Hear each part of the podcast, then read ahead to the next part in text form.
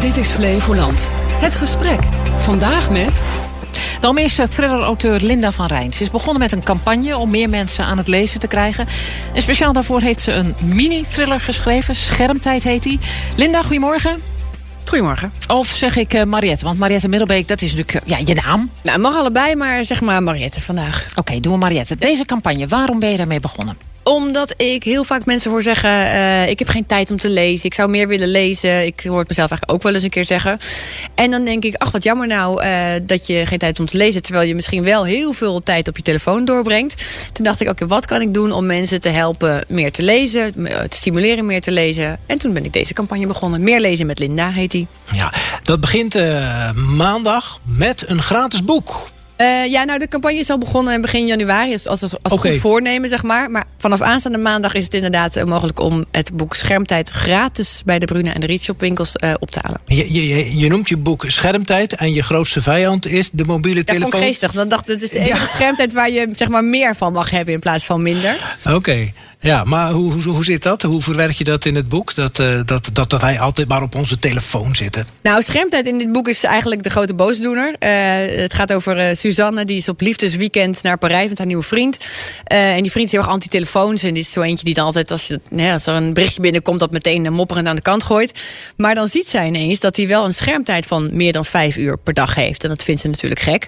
Dus dan gaat ze uitzoeken hoe dat zit. En dat had ze misschien beter niet kunnen doen. Okay. Want dan komt de thriller op de hoek. Want gaan we, gaan we verder niet verklappen. Nee. Maar uh, maandag ligt dat boek dus in de winkels. Maar ja. moet, moet de winkelier niet een beetje, want ik heb het gelezen... moet de winkelier er niet een beetje op letten... dat niet al te jonge kinderen dit meenemen? Ja, nou ja, het is een thriller, dus het is wel spannend. Dus ik zou zeggen onder de 16 maar even vanaf blijven. Oké. Okay. Okay. Uh, die campagne dus, lezen met Linda. Uh, waar bestaat die uit? Uh, dat bestaat uit een aantal video's die ik heb gemaakt met daarin uh, tips om um, uh, minder op je scherm te zitten of nou voor minder afleiding te hebben en meer te lezen. Bijvoorbeeld, mensen wachten gemiddeld 15.000 uur in hun leven.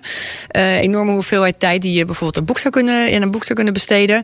En je ziet dan vaak in een wachtkamer of bij de zwemles of in de rij voor de kassa, ik noem maar wat, dat mensen toch heel snel die telefoon maar weer pakken. Terwijl als je op dat soort momenten een boek pakt, nou dan win je al misschien een uur per dag, ik noem maar wat. Uh, en zo heb ik nog een heleboel tips uh, bedacht en, uh, en gedeeld met de, met de lezers. Dus daar bestaat de campagne uit. En het andere deel van de campagne is dit boekje. Dat als je dan meer wil lezen, dat je gratis een boekje kan ophalen. Om daar in elk geval mee te beginnen. Ja, maar... Het richt zich nu dus niet speciaal op jongeren, de campagne. Nee. Gewoon heel breed. Ja, het is heel breed. En ik merk mijn eigen lezers zijn volwassenen. En ik merk echt vaak dat die zeggen: ja, ik zou wel meer willen lezen. Maar dat komt er niet van. En ik ja, merk het zelf ook wel dat je vrij makkelijk je, je, je telefoon pakt. Uh, dus de campagne is eigenlijk voor iedereen die meer zou willen lezen. Ja.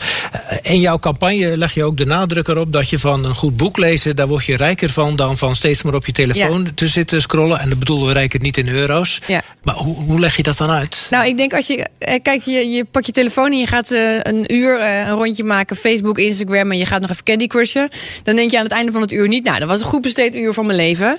Maar als je in een goed boek zit en echt een ofwel heel spannend verhaal of een heel mooi verhaal of, of iets waar je wat van leert. En dat heb je met boeken nou eenmaal vaker dan met Candy Crush. Uh, dan denk je, oh, dat was echt een. Ik, ik, ben, ik ben verrijkt als persoon, zal ik maar zeggen, in dat uur. En ja, ik zelf heb dat niet heel vaak uh, na een uurtje telefoon hangen. Oh, oké. Okay. Maar het gekke is, die, die campagne, dat is wel weer, um, ja, dus, dus online. Ja, dus je mag twee minuten naar het filmpje kijken van mij. ik ben heel, ben heel streng. Ja, ja, ja. En daarna moet je gaan lezen. Okay, Zit je op Insta? Natuurlijk. Ja, onder welke naam? Uh, Linda van Rijn. Oh, Linda van Rijn. Ja, dan moeten we weer naar je pseudoniem. Ja. Nee, maar het is dus niet zo ja, dat je... mijn eigen naam. Ik heb twee, twee Instagram-accounts. Kun je nagaan hoe erg het is met mij. Oh jee, oh jee. Ja. Maar het is dus niet zo dat je zelf uh, met deze campagne door het land gaat bijvoorbeeld? Nee, nou, ik ga altijd wel door het land om uh, je boeken, te signeren. Zeg maar. En dan, ik heb het, deze campagne komt ook voort uit gesprekken die ik heb met, met, met lezers. Die zeggen, ik heb inmiddels 32 thrillers geschreven. Dat ze zeggen, nou bij nummer 16 ben ik blijven steken, want ik heb geen tijd. Zeg maar. Ik zou wel meer willen lezen. Daar komt eigenlijk de campagne uit voort.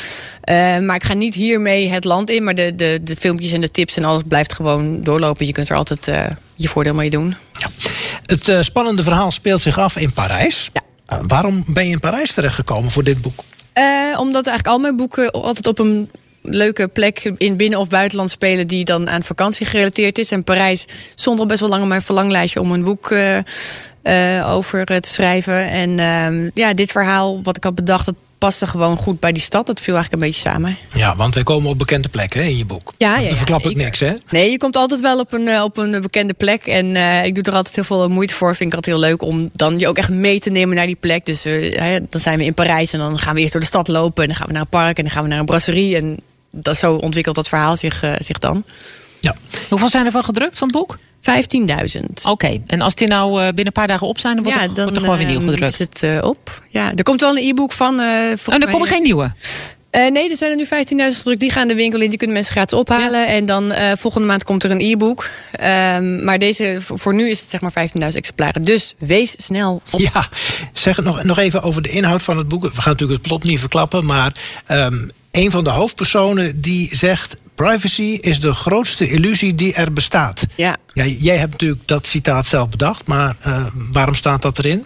Uh, omdat ik uh, dat wel een moet zeggen, mooie uitspraak. Maar ik, ik heb hem zelf een keer ergens gelezen. En dacht ik, ja, eigenlijk is het ook zo. Met, met alles wat je tegenwoordig aan gegevens de wereld in moet slingeren. Uh, alle apps die je op je telefoon hebt. Uh, als je ergens over praat, krijg je daar ineens een advertentie van. Ik snap nog steeds niet helemaal hoe dit werkt. Um, ja, ik, weet, ik ben al een keer verbaasd over. Maar goed, het schijnt ja. uh, heel normaal te zijn tegenwoordig. Maar ik, ja, ik denk dat privacy wel een, uh, dat we daar heel erg aan vasthouden. En tegelijkertijd dat we dat heel erg aan het kwijtraken zijn. Ja, nou, in, in een boek kun je gewoon heerlijk lekker privé lezen. Ja, ja kan uh, hem ook stiekem aan jou doorgeven weer als ik het uit heb. En je krijgt ook nooit het boek gelezen. Je hebt daarna op je telefoon een advertentie daarvan. Boeken zijn gewoon ja. lekker veilig, zeg maar. Waarom? Ja. Uh, zeg, in welk boek ben je nu zelf bezig? Welk boek lees je? een boek van een Amerikaanse schrijver, Nathan Hill. En het heet Welzijn. Heel dik literair werk waar ik enorm van aan het genieten ben. Dus ik ga zo meteen naar huis mijn telefoon aan de lader gooien en dat boek lezen. Oh, wat goed. Ja, want je schrijft natuurlijk zelf heel veel boeken. Je hebt er nu ruim 30 geschreven. Ja. ja. Uh, maar je houdt nog wel gelukkig tijd over om zelf ook te lezen dus. Ja, ja, ja, sinds ik mijn telefoon vaker aan de kant leg, gaat dat steeds beter. Oh, je bent heel gedisciplineerd. Dat klinkt heel goed. Nog één vraag over jouw uh, schrijverswerk. Want je zit natuurlijk nooit stil. Wat komt er na Parijs en deze trailer schermtijd? Uh, dan komt Terschelling. Terschelling. Gaan we weer op vakantie? Ja, we gaan weer op vakantie. En uh, ik was op Terschelling uh, vorige maand. En ik, het is, het is zo'n heerlijke plek. Uh, dus daar gaat zich een spannend en um, bloeddorstig verhaal afspelen. Oh, oh. Wanneer is het klaar? Het komt april in de winkel. Oké, okay. ja. nou kijken we daar weer naar uit. Mariette, dankjewel voor dit gesprek. Dankjewel.